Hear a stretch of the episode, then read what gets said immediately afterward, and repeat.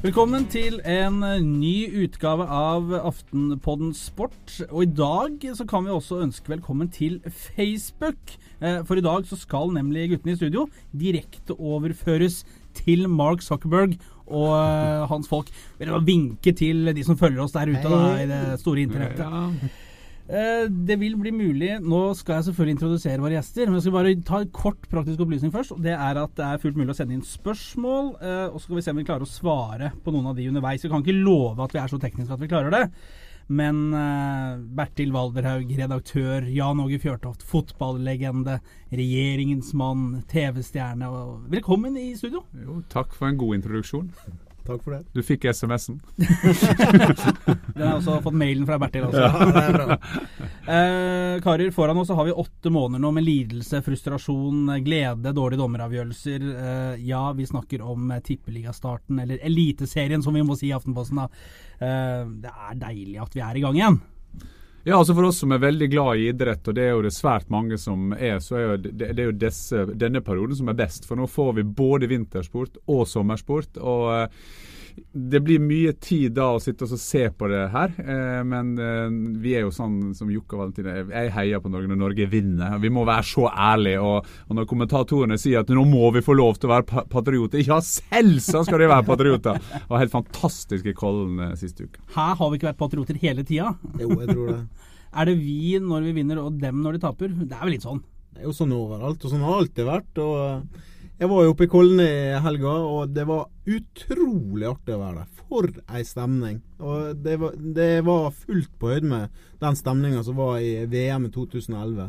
Og så er det veldig trist å tenke på at det ikke ble OL i Oslo da. Men det er jo, det er jo fortsatt muligheter, for Jan Åge sitter jo et utvalg der som ser på pengestrømmen til norsk idrett. Så uh, vi Ja, håper vi prater ikke så mye, vi diskuterer ikke så mye det. Tror, eh, nei, altså i det utvalget. fordi jeg tror at eh, skal du få store mesterskap i Norge, så er det folket som må ville det. Det må begynne nedenfra. Men vi har jo nettopp hatt bak oss et fantastisk ungdoms-OL nå, som var fantastisk på den måten at det var de unge som gjorde det sjøl. Og for meg som begynner å nærme meg skumle alderstall, så var det veldig inspirerende å få lov å være med på det. Og så må vi også si det at eh, den måten for, for Norge som en liten nasjon, så bare viser det hvor fantastisk idretten er. Det er ingen, tipper jeg, som sitter og følger med oss nå som vet hvem som er ambassadører for Norge, verken i, i UK eller i USA eller europaambassadør, men alle vet at Mats Zuccarello er Norges viktigste ambassadør i USA, at Aksel Lund Svindal er Norges viktigste europaambassadør osv. Så, videre. så således må idretten sette, etter min mening, i den store sammenhengen, og for en liten nasjon som Norge så er det gull verdt. Jeg tror jeg, folk vet hvem som har vært Betson-ambassadør, men den kan vi kanskje la ligge. Ja. Jeg var i New York Times for et par uker siden. Og eh, da prøvde jeg å si at den største, den mest populære, eller eh, den som folk flest er mest eh, interessert i i Norge, er jo da Petter Northug i Norge. Men eh, sportsdirektøren i New York Times hadde ikke hørt om, eh, om Petter Northug. Han sa 'even bigger than Aksel'. Ja, men jeg, men jeg, tror, jeg tror dette er en sånn diskusjon, og spesielt vi i fotballen skal sitte rolig i båten. For vi får vi, eh, det, det er en veldig stor kommersiell eh, aktivitet rundt fotballen. Eh, vi er veldig veldig store. Husk at kvinnefotball, hvis du tar det ut av sammenhengen, er Norges nest største idrett. Eh, så vi, For å se det i sammenheng, vi vet eh, hvor stort fotballen er worldwide, osv. osv. Men og det er et stort men. Det er veldig viktig for en nasjon å være best i noe. Det er med på å skape identitet. Så jeg syns av og til at den diskusjonen om hvor stort langrenn er, hvor stort ditten og hvor stort datten er, den er ikke så viktig. For det, det er på en måte hvordan vi som nordmenn oppfatter det som vi har rundt oss. Og så kan man selvsagt i langrenn håpe på at en tysker skal bli god. Fordi Jochen Behle det har ikke det, det, de, de trenger en sånn som det store markedet Tyskland oppdager også langrenn igjen. Bare si at nå er det Nå har vi passert 1000 mennesker her som hører og som ser på oss på Facebook. Altså, Mm, dette hyggelig, er da. eh, Ja, det er gøy. utrolig Det hyggelig. er gøy. Ehm, for vi har jo på en måte Vi er jo ikke så bortskjemt med sånn veldig uh, meritterte gjester i studio her. Eh, vi har jo redaktøren, selvfølgelig, og han dyrker vi for det det er verdt. Men for å overgå det, så måtte vi altså opp med en som har 71 landskamper for Norge. Kjent som en legende på Briskeby gressbane. eh, fra Champions League-sendinger. eh, du nevner det utvalget du sitter i. Og ikke minst eh, fått en boost på kjendistilværelsen gjennom 'Mesternes mester'. Hvordan var det å være med der? Ja, eh, det er jo sånn at eh, når, nå har jeg vært med på mange tiår i medias søkelys. Eh, jeg tror jeg skal være en ganske god medierådgiver for folk, fordi at eh, jeg har vært klar til å gjort absolutt alle feil som er mulig i boka. Det gjør at man etter hvert begynner å skjønne både hva man skal være med på, og hva man ikke skal være med på. Og eh, det er jo sånn at eh, Hvis man på en god dag er en C-kjendis, så får man lov å og får man spørsmål om å være med på mange ting. og så har jeg alltid sagt det at jeg har sagt nei, nei, nei, men 'Mesternes mester' det, har jeg alltid likt sjøl, fordi at det er et familieprogram. Det er noe som alle sitter og ser på. Meg, ser på. Uh, og så er det sånn også at Jeg har jo bakgrunn fra NRK fra tidligere, så jeg visste jo hvilke reaksjoner det blir. For at Når du jobber i Viasat-systemet og du jobber med Champions League, uh, da er det én type publikum, uh, på en måte. mens når du kommer til NRK, så er det to ting som skjer. Jeg skal prøve å vise Facebook det. Da kommer eldre damer til meg på butikk, butikken og gjør sånn.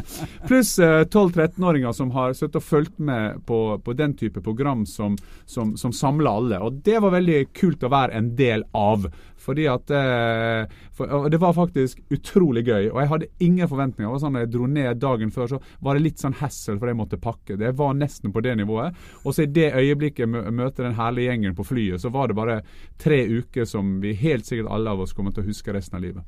Uh har du fått mye rare invitasjoner til sånne programmer type ting, eller er det Ja, men det får jo alle. Altså, det er jo, eh, det er jo Har du fått noe? Nei, jo men, jo, men nå prater jeg om vi som uh, har en sånn rar kjendisstatus som har et eller annet med en bokstav å gjøre, hvor, hvor du, du, er. Uh, og det får man hele tiden. Av og til blir jeg beordra for at jeg er nødt til å gjøre ting, men uh, jeg er ikke veldig komfortabel med å gjøre sånne ting lenger, så, så, jeg gjør ikke. Nei, du ser jo Kjetil Rekdal er jo inne og skal lage middag og sånt. Og da, ja.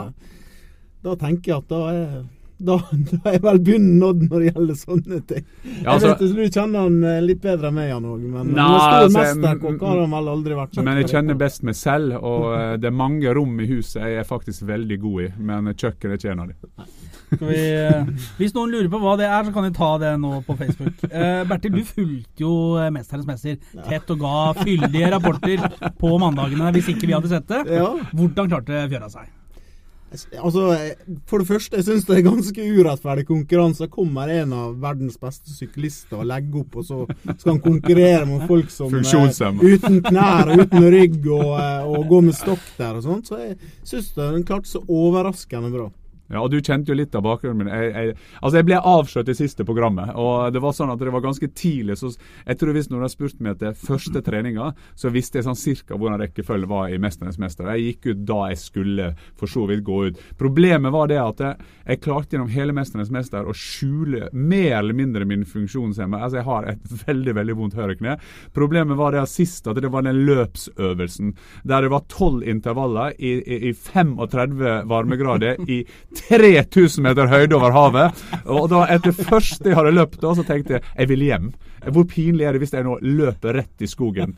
Og det var vel da jeg begynte å rope etter vann etter hvert. og da, da ble jeg avslørt. Det, det, er jo litt rart når du har spilt 71 landskamper, og det vil bli huska for han som lå der og skrek etter vann. ja, det er det. Jeg skal også takke Ragnhild Gulbrandsen som da la seg oppå meg for å, eh, for å trøste meg. og Det også har vært veldig mange spesielle bilder som har kommet ut fra det. Men uh, vi, vi ble slått ut på helt riktig tidspunkt. Og så er det sånn at det, du lærer som toppidrettsutøver at det er ikke lov å være skada.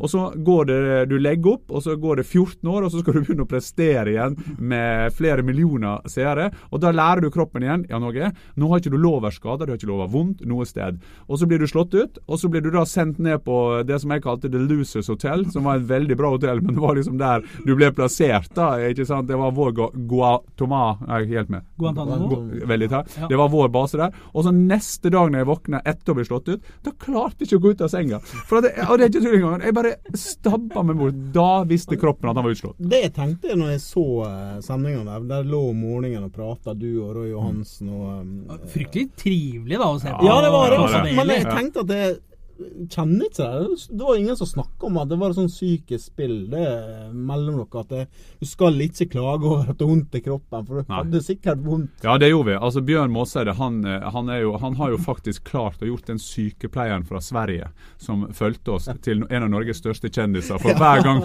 Bjørn, gang Bjørn var der, så Bjørn fikk jo en strek, og det var mye fram og tilbake.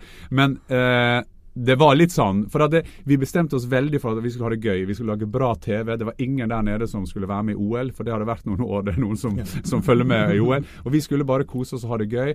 Og noen la seg tidlig for at de skulle være godt forberedt til neste dag. Eh, men så var det noen av oss som bare lå på sofaen og slappa av til vi egentlig var så trøtte at vi måtte gå ned.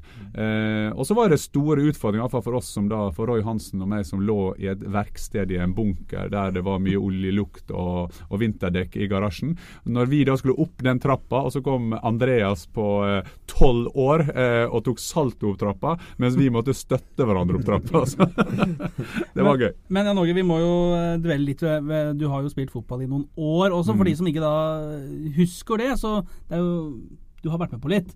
Og når du var med i 'Mesternes mester' og fikk kjenne på det her litt sånn konkurransegreien, drømte du deg tilbake til Premier League i de glade dager på 90-tallet? Eh, det som jeg var, jeg var egentlig mest forbanna for at jeg hadde påført meg denne nervøsiteten, dette her ekle enkle oppkjøringa til en konkurranse. Eh, nei, eh, og jeg tror det er en av de tingene som gjør at jeg vel i sånn snitt det går ganske greit for meg etter den karrieren jeg har. Det er en veldig spesiell karriere der vi slutta rundt fem I, min, eh, i mitt tilfelle så slutta jeg da jeg var 35 år. Vi må huske at tre av fem Premier League-spillere er konkurs i løpet av fem år etter sin karriere. Og jeg tror mye av det handler om at du tenker altfor mye tilbake. Mm. Ja, det er helt fantastisk. Jeg var på Chelsea, PSG, som vi sikkert skal prate mer om, og ser det og tenke på hvor kult det har vært å være ute på det. Men på, på, samme tid så kjenner kroppen min også og hva det krevde av meg for å være på topp. Og hva det krevde ikke, Jeg vil ikke si forsakelser, men, men en disiplinert hverdag hvor, hvor uh, viktig det er. Så, så Jeg husker når jeg skårte mål, men heldigvis så husker jeg godt hva som krevdes for å skåre det målet. og det, det gjorde jeg til jeg var 35. Og, og jeg, bare for avslutningsvis, altså, av, av og til svært sjeldent, egentlig, for jeg har spilt for svært mange klubber. Så drar jeg tilbake til de klubbene jeg har spilt uh, fotball i, uh, og som, uh, som, ofte er. da, Så blir man hylla, og det blir ditt og datt når du skal ut på banen. og Så hadde jeg med sønnen min, og så sa han det at 'Pappa, dette må du gjøre oftere'. Og så, og så sier jeg, og, det mener jeg helt alvorlig, at nei, jeg vil ikke gjøre det for ofte. For da går jeg til, tilbake i tid. Jeg må alltid se framover. Mm. Men skal vi si at Fjørtoft virker som har klart seg greit etter han hung up the boots, som de sier, da, for å være litt internasjonal her, siden vi har, er ute på Facebook. Men jeg, ja, altså, vi har jo drevet og prata om forskjellige hatter og sånt. Han har jo han har full hatt i hullet, men eh, han, han greier seg bra. så... Eh, det er umulig, det er umulig å gjøre noe det, altså det er umulig å gjøre noe hvis ikke man har en fot litt overalt. Så det er det viktigste, og så er det fint med hatt innimellom. Men han har jo hatt en klar strategi, og han gikk ut i intervju og sa at han skulle bli en eh, lobbyist, fotballobbyist. Det, ja, det husker jeg. Det husker jeg, husker jeg bildet også. Jeg har ikke blitt helt det, da. Jeg husker at du skrev saken. Men, men, men, det som han, jeg tror at det er en av grunnene til at jeg, jeg føler at jeg har et OK liv og gjør ting som jeg har lyst på, det er det at jeg er utrolig nysgjerrig. Jeg er utrolig, og, og det vet du også, kjære redaktør, at jeg veldig eh, ønsker å lære ting. ønsker, for at Når du har vært i en fotballgarderobe hele livet, så bruker du litt tid på å finne ut hva er det du er god til. Ikke sant? Og, og Vi fotballspillerne har en del ting. Det der å gå ut på en bane med 70 000 og levere akkurat klokka fire, eh, det er en OK egenskap å ta med seg videre. Og det, altså, Idrettsutøvere som engasjerer seg utover det de sjøl skal prestere, sånn som, sånn som, jeg mener nå eh, Brede Hangland har gjort det i forbindelse med, med, med, med spillmonopolet og, og, sånne type ting. Sånne idrettsutøvere skal vi ta vare på i Norge, og de klarer seg også videre. Vi ser at får sentrale roller. Så alle kan jo ikke bli sportsdirektør eller, eller ekspertkommentatorer. Men det at, eh, det det at folk. Eh, engasjerer så, så er det noen som holder koken fortsatt. Ole Einar Bjørndalen kommer til å gå OL i 2036, kanskje. Helt sikkert. Fortsatt. Ja. Og det er jo det han har gjort i Holmenkollen. Det er altså Det er så imponerende. Og det skal vi det skal Ok, komme. vi skal tilbake ja, okay. ja. Ja, uh, men Bertil, dere er jo Dere er vel fort de to største profilene på Sunnmøre, vel? Nå er det første ja, vi, vi, ja, vi, har jo en del. Vi har jo da Rundeskatten. Uh, vi har Geiranger. Vi har jo noen som kanskje Gangerolf. Gangerolf. Brann, Ålesund Brann. Mm. Vassendguttene i Ørsta. Men nå er Alt, alt, alt havner i skyggen av han som eh, Nå er jo ringen slutta for Jon Arne Riise. Ja, men han jeg skal spørre deg om ja. var, Når var det første gang du skrev om uh, Fjørtoft? Jeg skrev vel om han første gangen da jeg var vikar i Summersposten og han hadde en duell mot Så Du har ikke alltid vært redaktør?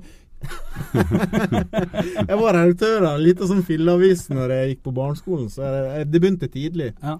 Hvilken var det? Hvilken var kamp? Eh, nei, det var en landskamp eh, du og Gøran Sørlotte Norge skulle spille 4-5-1. Var Ja. bare plass til en av dere. Jeg tror det var før Sovjetkampen Ja. 0-1 på Ullevål. ja, men da tror jeg jeg eh, spilte. 91. Ja, det kan være. Det var siste Du vet, uh, uh, vi eh, det var jo helt, det var jo, 90-åra var jo helt fantastisk for norsk fotball. Det var helt fantastisk for norsk idrett, egentlig. Men Nå er det mange idretter som klarer det ganske ok nå også. Men eh, vi, den kampen som du nevnte, da tapte vi 1-0. Eh, og det var sist, det var i 91. Det var, og jeg spilte på landslaget på Ullevål til og med 97, men den kampen i 91 var den siste jeg tapte. Så vi gikk seks år uten å tape mm, på Ullevål. vet du, vet du hvem som spilte sentral midtbane for Norge i den kampen, fra start? Det er jo det mest sjokkerende med hele kampen. I 1991? Ja. Roger Nilsen Akkurat. starta på sentral midtbane. Men første gangen jeg så Jan Åge Fjørtoft live, det var på Kråmyra i Ålesund. Ålesund Hødd 0-4. To mål av Jan Åge Fjørtoft og to mål av Jan Arild Roppen i et skikkelig dritvær. Det regner, og, og Jan Åge Fjørtoft spilte med sånn avklipt stil. Jeg, og ikke bare det, for jeg husker godt Jeg er jo sånn som husker alle kampene jeg har spilt. Er en, jeg er jo helt på grensen til å være autist. Eh, når eh, de kommer eh, Jeg hadde en sunnmøring som vi møtte i utlandet en gang, og så sa han eh, kom han bort til meg og så sa han det. 'Hei, Jan Åge, jeg har spilt mot deg.' Og så sier jeg eh, 'Ja, OK, eh, for, eh, på hvilken lag da?' 'Åmdal'. Og så sier jeg 'OK, Åmdal'. Og så sier jeg 'Det må ha vært når jeg var 14 år'. Ja, det stemmer. Eh, vi vant 3-2, jeg skåra to mål. Og han bare hæ? Altså, så Da skjønte jeg at det var noe gærent med de ta. Men den kampen i dette er i 1985. Vi har en fantastisk bra sesong. Vi holder faktisk på å rykke opp. Eh, vi blir vel nummer tre. Tromsø tar kvalikplassen, tror jeg, eller noe sånt, og går opp. Eh, men vi, vi slår Ålesund to ganger 4-0. Eh, og den kampen på Kråmyra, det var ikke bare det jeg spilte med der. Jeg husker jeg også spilte med sånne hvite hansker. Ja. Eh, det er sånn, sånn som Michael Jackson nesten hadde. Det var bare glitteret som mangla. Og det var så kaldt. Og så hadde, var en som jobba på Ulstein Mekaniske Verksted. Han hadde med seg hvite hansker. Eh, og jeg husker jeg fikk en del tyn fra, fra Kråmyra-publikum da. Eh, og så svarte man på den måten man skulle gjøre, og det var skåremål.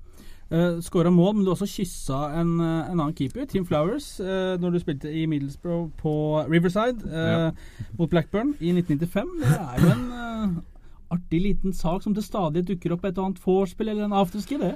Absolutt. Og eh, det er to ting som skjedde med på engelske bane. Én tok eh, og ble utnytta. Den, som ikke tok, det var da et eh, stort engelsk firma hadde en aksjon der de sendte Page Three Girls på banene på engelske stadion. Det kom altså på Bramall Lane en dame med Best tits ever. Eh, og, hun løp, og, hun løp rett bort til meg, og jeg angrer en dag. Og jeg tok henne av banen, det skal det være, men jeg måtte ha gjort noe mer ut av det. Jeg var svak da med. Men, okay. ok. men Tim Flowers, det var rett og slett Tim Flowers eh, eh, viste jo eh, jeg, jeg var tilfeldigvis i England og han hadde en sånn der de gikk gjennom hans karriere på BBC, og da var jo en av de tingene han måtte forklare hvordan det skjedde. og Det var jo det at han, han drev og dytta på meg, som det ofte gjør på corner, og så sier jeg slutt. Eller sa helt sikkert noe annet på fuck off. Men så sier han, og så var det sånn fram og tilbake, så fikk han ballen, og så drev han og dytta på meg, og så sier jeg Og så ble jeg stående litt provokant, og så sier jeg til han hvis du gjør det der én gang til, så skal jeg kysse deg rett på truten. Eh, og så gjør han sånn, da, og så kysser jeg han rett på truten. Og så Det som gjør at det blir en bra historie, det er jo det at det er en fotograf som får det akkurat midt i akkurat når jeg kyssa han. Og så var du også veldig stolt av det. Var, det var første siden i det største homomagasinet i England. Og da ble man kjent over hele England, så det var fotballens um, kyss. Har du hatt noen kontakt med han siden? Nei, ikke mer om det. Man, man ses jo av og til helt tilfeldig. Jeg vet ikke hva Tim Flowers eh, Hva driver er det du antyder? Nei, men det er oppfølgingspotensial. Ja, ja, tenkte ja. Han ligger faktisk på, Brist han ligger på Bristol og venter på meg nå. Hun dama som ble båret av, da? kan ikke du Henne har hatt mye kontakt med. Da høres det riktig ut. Ja, ja, da ble det bra. Uh, skal vi forsøke å gå litt tilbake i tid og snakke om vintersesongen eh, her? For vi er jo ikke bare her for å, for å kose oss og hygge oss. Vi skal prøve å belære, eller ikke belære, men lære det norske folk litt. Eh, vintersesongen som vi er i ferd med å legge bak oss, eh, langrenn kanskje først og fremst. Vanvittig norsk dominans. Vi, det, har vi brukt opp superlativene? Ja, altså, vi er godt vant. Eh, I går så to, eh, fikk jeg en reporter til å lage en sånn statistikk over hvor eh, Jeg husker Peter Müller og Finn Aamodt sa at Norge skulle tapetsere pallene i Torino-OL. Det gjaldt jo da skøyter. Eh, og i langrenn for jenter denne sesongen her, så 82 av plassene på pallen er blitt uh, bekledd av norske jenter. Og eh, er Ja, nå ser vi altså Vi at trykke. eh, Her må det trykkes. Bertil, skal du prøve se, er skal- det til de som hører oss? kan vi si at litt, Det lugger litt med den Ja, eh, Facebook-sendinga. Nå reiser redaktøren seg opp. Skal vi se her nå. Trykker er med midtfingeren er overraskende, Er det den grønne eller den røde kabelen du skal kutte nå? Og der Det var nok den røde, ja. Er satt på plass. Gjenopprett. Skal vi se. Og der er vi tilbake igjen. Vi er Det, dette, Ja, ja, det, dette yes, går. Ja well det, ja da, dette. Fantastisk. Men, eh, men eh, jeg, jeg må også si det at eh, jeg er utrolig glad, i skisport, som de fleste nordmenn er. Jeg husker jeg hadde min første Det var jo I gamle dager så var det et skirenn i Ørsta. Eh, og, og når jeg var i Ørsta og så på det, så var Oddvar Brå der. Og Oddvar Brå har alltid vært min store eh, sportsidol. Eh, når jeg er blitt eldre, så har jeg hatt gleden av å møte Oddvar Brå flere ganger. Og jeg syns faktisk det er stas den dag i dag. Og eh, det er noe med hvordan vi pakketterer det. Vi skal skryte av NRK også, hvor flinke de er til å trykke på de forskjellige knappene som gjør at vi sitter der. Eh, min ultimate test det var femmila fra Falun, da jeg satt helt alene, helt alene og så femmila. Eh, så absolutt alt. Satt der helt alene. Hadde ingen å dele verken glede eller sorger med. Så at Northug nærma seg. Og når det da åpna seg på oppløpet, da sto jeg helt alene på gulvet og gråt. Og så tenkte jeg, nå er det veldig viktig, og grunnen til at jeg forteller denne historien, det er at jeg, jeg begynner å tenke på hvor er det jeg som menneske nå? Hva er det dette er som gjør at vi da sitter og så ser langrenn? Og jeg har jo en, en god del internasjonale følgere på Twitter, og de lurer på hva er det med dere og en cross country? og det kan jo vi spørre oss. Ja, det kan vi faktisk gjøre. Jeg gjøre. Tror at det er, Når det gjelder langrenn, så tror jeg det er gjenkjennelseseffekt. Alle går på langrenn. Jeg tenker at det kunne kanskje vært det hvis jeg hadde trent litt mer og gjort litt, litt mer. Men altså, når du står og ser dem live, hvor fort de går ja. Sto på denne Holmen-knollen når de gikk ut, ut av stadion eh, Var det der det var sånn fryktelig med alkoholis? Nei? Ja, ja, faktisk ja. Nei, ikke, ikke, det, Nei. jeg kjente ikke så mye igjen i det. Nei, men det var faktisk litt familieområde, det. Ja. Men, men du ser så fort de går, og de Mm. går fort i ett sett hele veien. Ja. Og så jaggu meg så går det, og så skal de plaffe ned fem blinker samtidig. Altså, det, det er så imponerende. Men jeg tenker på, vi snakker om vinteren. da. Langrenn, alpint, skiskyting. Nå har skøyteløperne begynt å gjøre det bra. Kombinert. Kombinert hopp. Altså, eh, de er jo best i alt. Skulle tro vi hadde snø. Ja. Men Bertil, sånn når, du, når du ser på langrenn nå, klarer du å på en måte nyte prestasjonen, eller blir det veldig mye fokus på ski og riktig smøring og Ja, den typen etter det personlig- smørekurset? Ja. Jeg personlig. ja. Nei, altså nå er det Nå blir smørfri heretter. Men selv, selv når det er ti plussgrader, så klarer selv jeg å, å finne ut at det kanskje skal ha klister. Men det er faktisk, bare for å helt til slutt da, si litt om det. Det som er den store utfordringen vi har nå med spesielt langrenn og fotball, og nå kommer inn gjennom regjeringsutvalget, eh, der vi sitter og skal prøve å gi råder til de som er i aktivitet i NIF, de som er aktivitet utenfor NIF, og de som ikke er i aktivitet i det hele tatt. En av de tingene som er litt fare, som vi skal bare notere oss nå, det er at de store folkesportene som fotball og langrenn begynner å bli veldig dyre å drive med. Eh, og det skal vi passe oss på, at det er niåringer som kommer da med liste hjem for eh, x antall ski, et pulver som folk ikke har hørt om. Det er nesten eh, flere har smørboder i, i hagen sin. Eh, samme som i fotball, men det er veldig eh, det er terskelen på å få være med på Academy. og vi, altså, vi, vi på en måte gjemmer bort avgifter i systemet. og Det skal vi passe oss enormt for. For jeg tror at det, hvis vi ser en generasjon frem, hvis at vi, vi, vi later de ut Nå prater jeg spesielt om de store folkesportene som vi må si langrenn og fotball er. Da er jeg litt bekymra. Så det skal vi iallfall ta med oss mens eh, jubelen også er på, på sitt høyeste. Ja, altså du, du Ja, jeg, jeg har jo ei datter som driver på med idrett. Og hun skal først skal ha medlemskap, og så skal du ha medlemskap for den idretten. Og så skal du ha treningsavgift, og så skal du ha avgift for å gå eh, Og utstyr. Og utstyr, og, eh, Ja, vi skal og så- passe oss Og så ender du opp med å få kjeft for å smøre feil. Man Say hello to a new era of mental health care. Cerebral is here to help you achieve your mental wellness goals with professional therapy and medication management support. 100% online. You'll experience the all new Cerebral Way, an innovative approach to mental wellness designed around you. You'll get a personalized treatment plan from a therapist, prescriber, or both in a safe and judgment free space. Your Cerebral therapist or prescriber will outline a customized plan with clear milestones along the way so you can get to feeling your best. With Cerebral, you're not alone in your mental health journey. We're here to empower you to live a fulfilling life. So take that first step towards a brighter future and sign up today at cerebral.com slash podcast and use code ACAST to get 15% off your first month. Offer only valid on monthly plans. Other exclusions may apply. Offer ends July 31st, 2024. See site for details. Ryan Reynolds here from Mint Mobile. With the price of just about everything going up during inflation, we thought we'd bring our prices down. So to help us, we brought in a reverse auctioneer, which is apparently a thing. Mint Mobile unlimited premium wireless. Ready to get 30, 30, bit to get 30, bit to get 20, 20, 20, bit to get 20, 20, bit to get 15, 15, 15, 15 just 15 bucks a month. So, Give it a try at mintmobile.com slash switch. $45 upfront for three months plus taxes and fees. Promo rate for new customers for limited time. Unlimited more than 40 gigabytes per month. Slows. Full terms at mintmobile.com. Sånn det. Men det må jo kunne være mulig å treffe én gang. Ja, det er vel mulig. Altså, det er ikke mye vi ber om med én gang, Bertil. jeg traff på klubbrenn i eh, Årvoll. skal Ja, men nå er jo sesongen over. Ja, men det var siste rennet. Altså, alle, eh, jeg si eh, Gud lønner sin tro tjener til slutt. Ja. Men eh, Therese Johaug og Martin Jonsrud Sundby har jo eh, dominert eh, i hver sin eh, Ja, det, og, det er, og det er jo to av de store aktørene. Og så er Det sånn at det, det er litt spesielt da, eh, den rollen eh, Sundby tar i offentligheten og i media. fordi at Når han gjør det veldig bra, så eh, skriver man mer om Northug som gjør det veldig dårlig.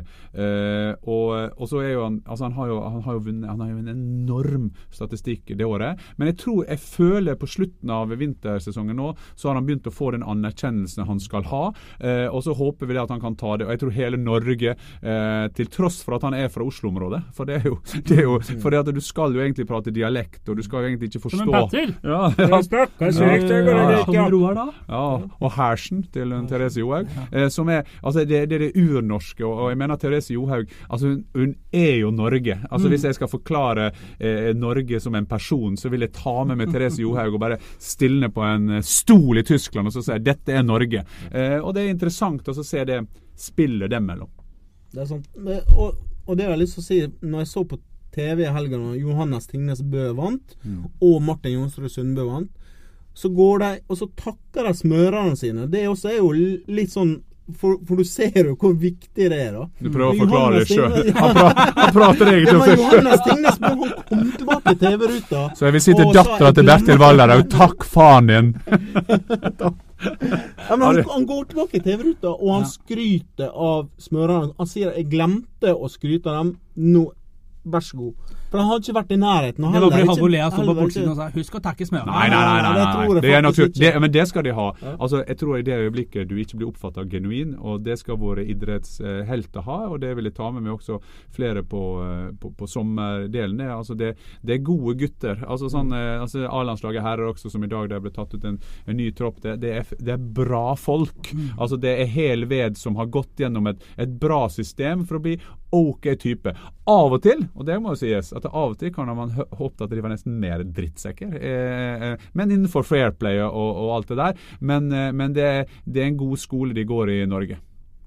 Um, apropos Tines Bø, som jo knakk Martin Vaucade på den siste fellessteden. Veldig viktig å ha den riktige uttalen der. Håp mot makt Martin Ja, og, og så tramper han opp da, til kongen og, som står der, og så sier han liksom at jeg måtte vise deg at det er du som er kongen her, og ikke han franskmann. Da er du konge, da. ja, det, det, det, ja, men det, Husker, men det er jo litt å huske hvordan det gikk med kongen i Frankrike også.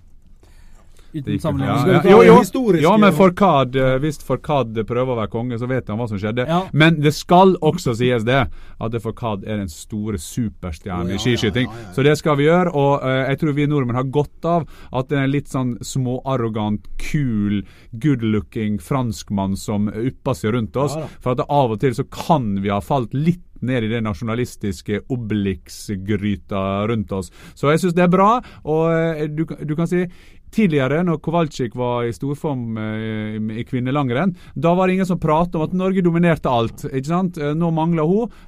Så sånn sett, det er enda bedre å vinne hvis du kan vinne over noen enda, gode, enda godere. Enda bedre også. Det er begrensende mobbing, men det er klart hvis de skulle fått dette her noe jevnere, så er det jo bare å ringe og få en ny smøresjef. skal ikke ha det nå. Nei, det er han Han slutter ny- jo, ny- Bjørndalslien slutter jo. Slutter, Ja. Ja. Kan det være åpning for Nei. Uh, vi skal Per Knut Aaland.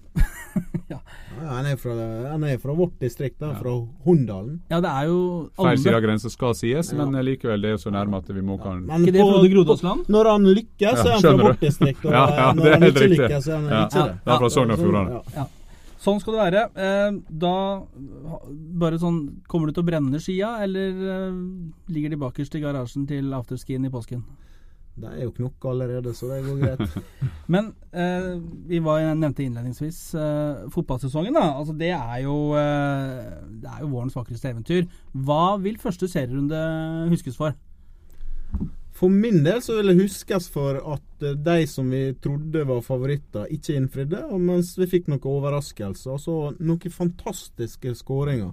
I eh, Bodø og, eh, og det skuddet han islendingen til Viking hadde mot Vålerenga, det er jo internasjonalt eh, toppnivå over. Og så har det litt sånn skuffelse også med Jeg hadde gleda meg veldig til å se eh, Sander Berge i eh, Vålerenga. Han startet på benken, og det samme gjorde Moa, som gjorde at jeg tapte mange kroner. Har du Mange for spilt på han? Har Du, du har jo fulgt Vålerenga i vinter, og eh, har du spilt på han? Og regner med han skulle skåre, men det gjorde han altså ikke. Og han, han var dårlig når han kom inn. nå. Ja, Nå får vi besøk inn i studio. Det er da tekniker igjen, ja. eh, Torbjørn Grønning som kommer inn her, da. Jeg kan ikke følge med på alt. Der var vi på igjen. Ja. Takk for at du følger med, Bertil. Det er jo Ja. Eh, Nei, men det, men det, det, som, det som er, blir veldig spennende nå, Og Torbjørn, du må gjerne bryte inn hvis det er noe. det blir jo veldig spennende å følge de talentene som, som det, det er jo alltid spillere som hever seg. Eh, jeg, som, som glad i norsk fotball, og som alle som er glad i norsk fotball, så håper jo vi selvsagt at det på et mirakuløst vis skal komme fram en stor målskårer mm. som skal komme fram. og det, Se om noen av de tar noen steg. blir veldig veldig spennende. Og så er det glad at, det, eh, at Rosenborg eh, taper, selv om det er mot eh, et Odd-lag som helt sikkert kommer til å gjøre det bra i år. Det er alltid litt overraskende. og så Uh, og, og Molde det, Ole Ole Gunnar var jo veldig ærlig etter kampen. Han sa vel at Tromsø kunne hatt flere skåringer. og Mm. Så det blir spennende å se hvor lang tid han bruker for å sette Solskjær-laget. Spørsmålet er jo kan Bodø-Glimt holde unna nå i 29 runder på Leicester-vis her? Kan det gå for uh, Men tenk for en fantastisk story det med Leicester, selv om vi prater om tippeligaen. Ja. Det er helt utrolig. altså Nå er det, er det åtte runder igjen, sju Ja, runder, åtte runder åtte runder igjen, og de leder med fem poeng. Og, eh, og det hvis du ser hva de har igjen av motstandere, det er vel bare Chelsea helt mot slutten som er liksom det top five, så skal det sies at Leicester helt sikkert nesten har en sånn måte å spille på at de er nesten enda bedre mot de, de gode lagene. men det er helt fantastisk at i en, en tid der Champions League-lagene stort sett er de som har flest penger, eh, det er stort sett de, de beste som er i toppen, så, så skal vi Jeg tror alle er Leicester-fan eh, nå rundt om i verden. Nei, det er jo ikke jeg som er Tottenham. Nei, jeg er Tottenham-fan. Ja, det er helt riktig. Det er Men, men eh, hvis, det, hvis det først skulle ryke, da, så er det moro hvis Leicester gjør det. Det er åtte kamper igjen.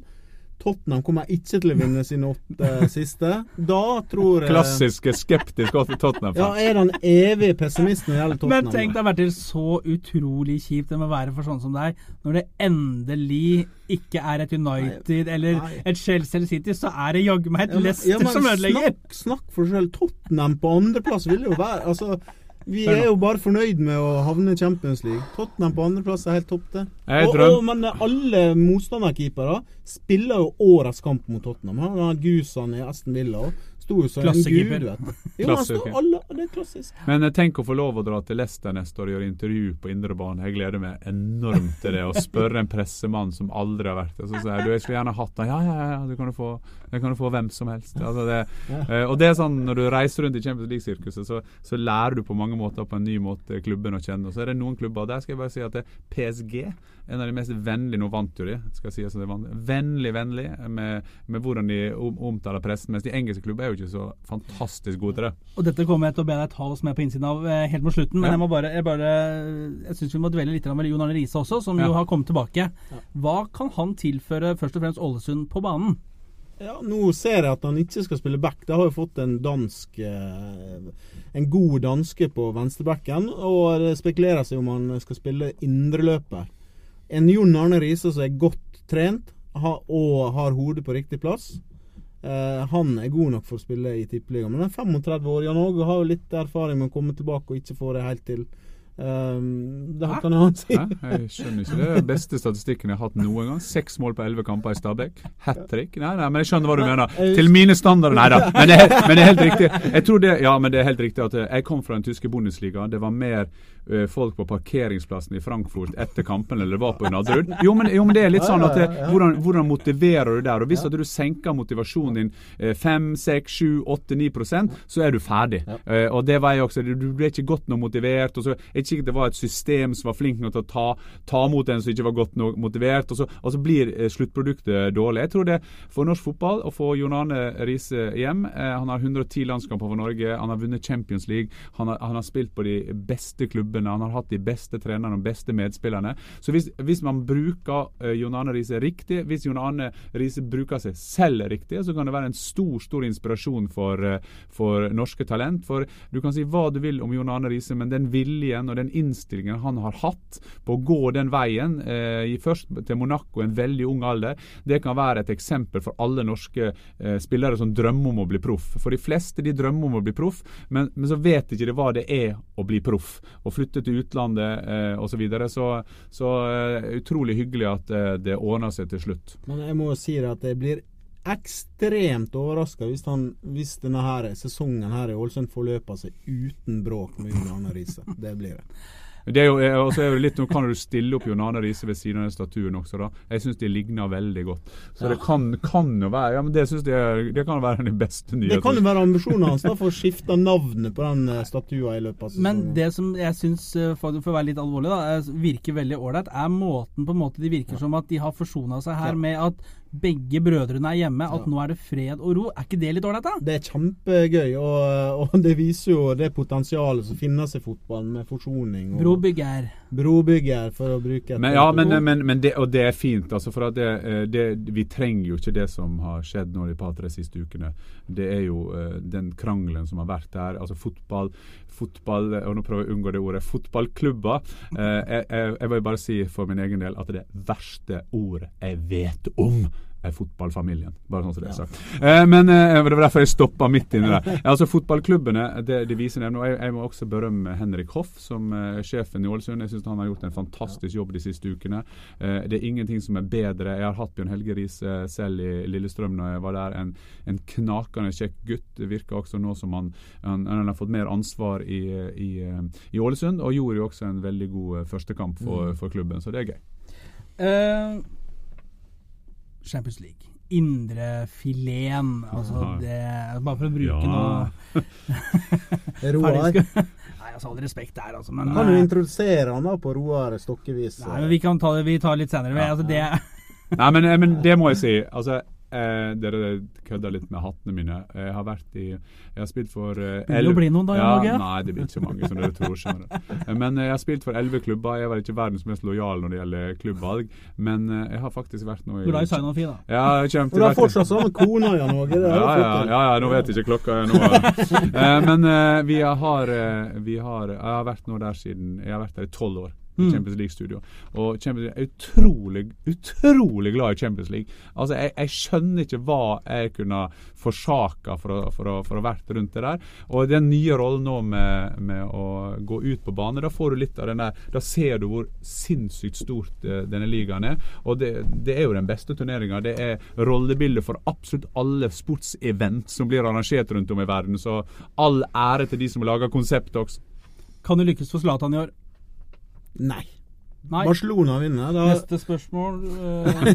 ja, jeg, håper jo det, men nei, Barcelona har vel eh, ikke tapt siden begynnelsen av oktober. Det er 35 kamper på rad uten tap. 29 seire og 6 uavgjort, hvis ikke jeg har regna helt feil. Hørtes ikke sånn ut. Eh, Nei, men, men, eh, men altså, men, men, men, men det var sånn det går jo an, på, på Stamford Bridge nå, så var det sånn at man sto jo etterpå der og var veldig glad for at PSG går videre. Selv om vi er vokst opp med, med Chelsea eh, Mm. og engelsk fotball, så så du de typene som de har hos PSG, er jo fantastiske. Og, og jeg er jo sånn at jeg, når jeg er ute der, så, eh, så er jo det om å gjøre å få så mye verdensstjerner som du bare kan til intervjuer. Men du blir, jo, du blir jo litt fascinert også. Jeg blir jo han fra Gursken som samler fotballkort, selv om jeg er 49. og syns det er stas når Zlatan og prater med Zlatan.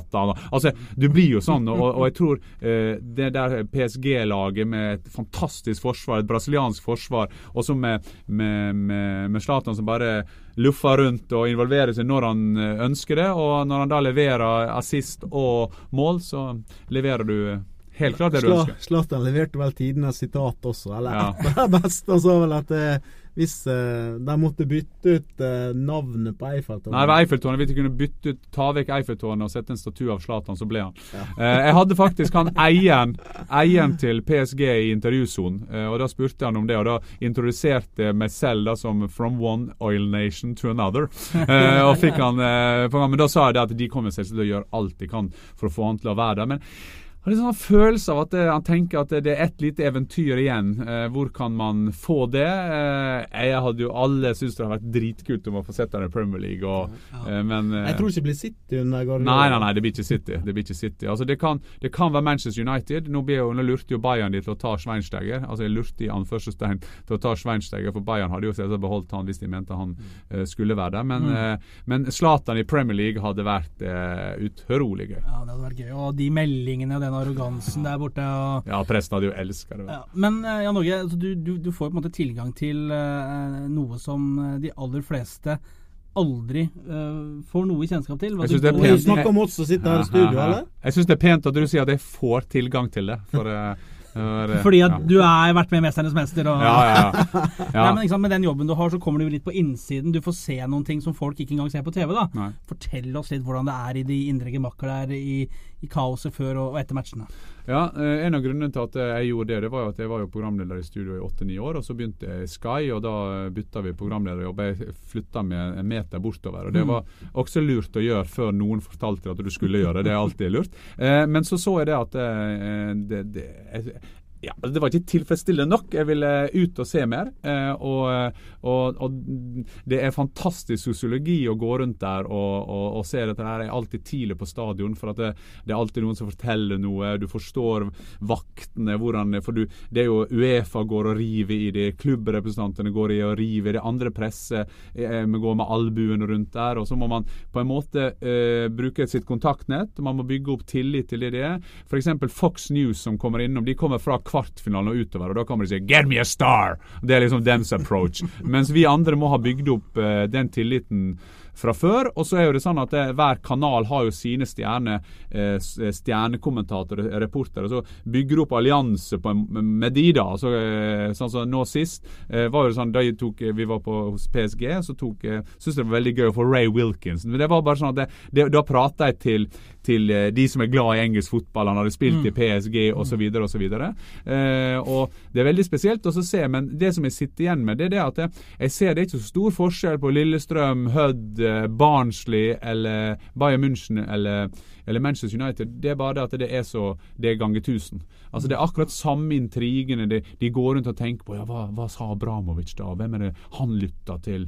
Eh, og så videre og så videre. Og, eh, og det er spennende å eh, få med seg. Og så, og så prøver jeg at jeg, jeg tror også en av mine fordeler når jeg gjør, gjør intervjuer, er at jeg, at jeg skal liksom gjøre de store revolverintervjuene. Altså jeg skal, Det jeg skal bringe hjem, det er en følelse av hvordan spillerne er der. Ta de med inn i, i garderoben. Jeg, jeg intervjua en gang Mats Hummels, eh, han midtstopperen på Dortmund, da de vant 4-1 mot Real Madrid. Og så sa jeg til altså, Nå vinner jo dere, sier men du gjorde en stor feil. Det ble, ble 1-0, eller jeg husker ikke, du- og du gikk inn i garderoben. Fortell oss litt hvordan det var da inne i garderoben. Så plutselig falt han nesten helt sammen og sto med gråten i øynene og forklarte hvordan det var der inne i garderoben. Og det er nok en fordel når du kommer fra vesle Norge, at du blir ikke sett på som en så stor trussel som kanskje en engelsk eller en tysk journalist. Hvem er eh, mest arrogant og vanskeligst å jobbe med? De beste er desidert best keeperne. Keeperne kommer av en eller annen grunn alltid til intervju. Manchester United sender alltid Smalling eller en eller annen uh, annen, som de er liksom uh, sikre på.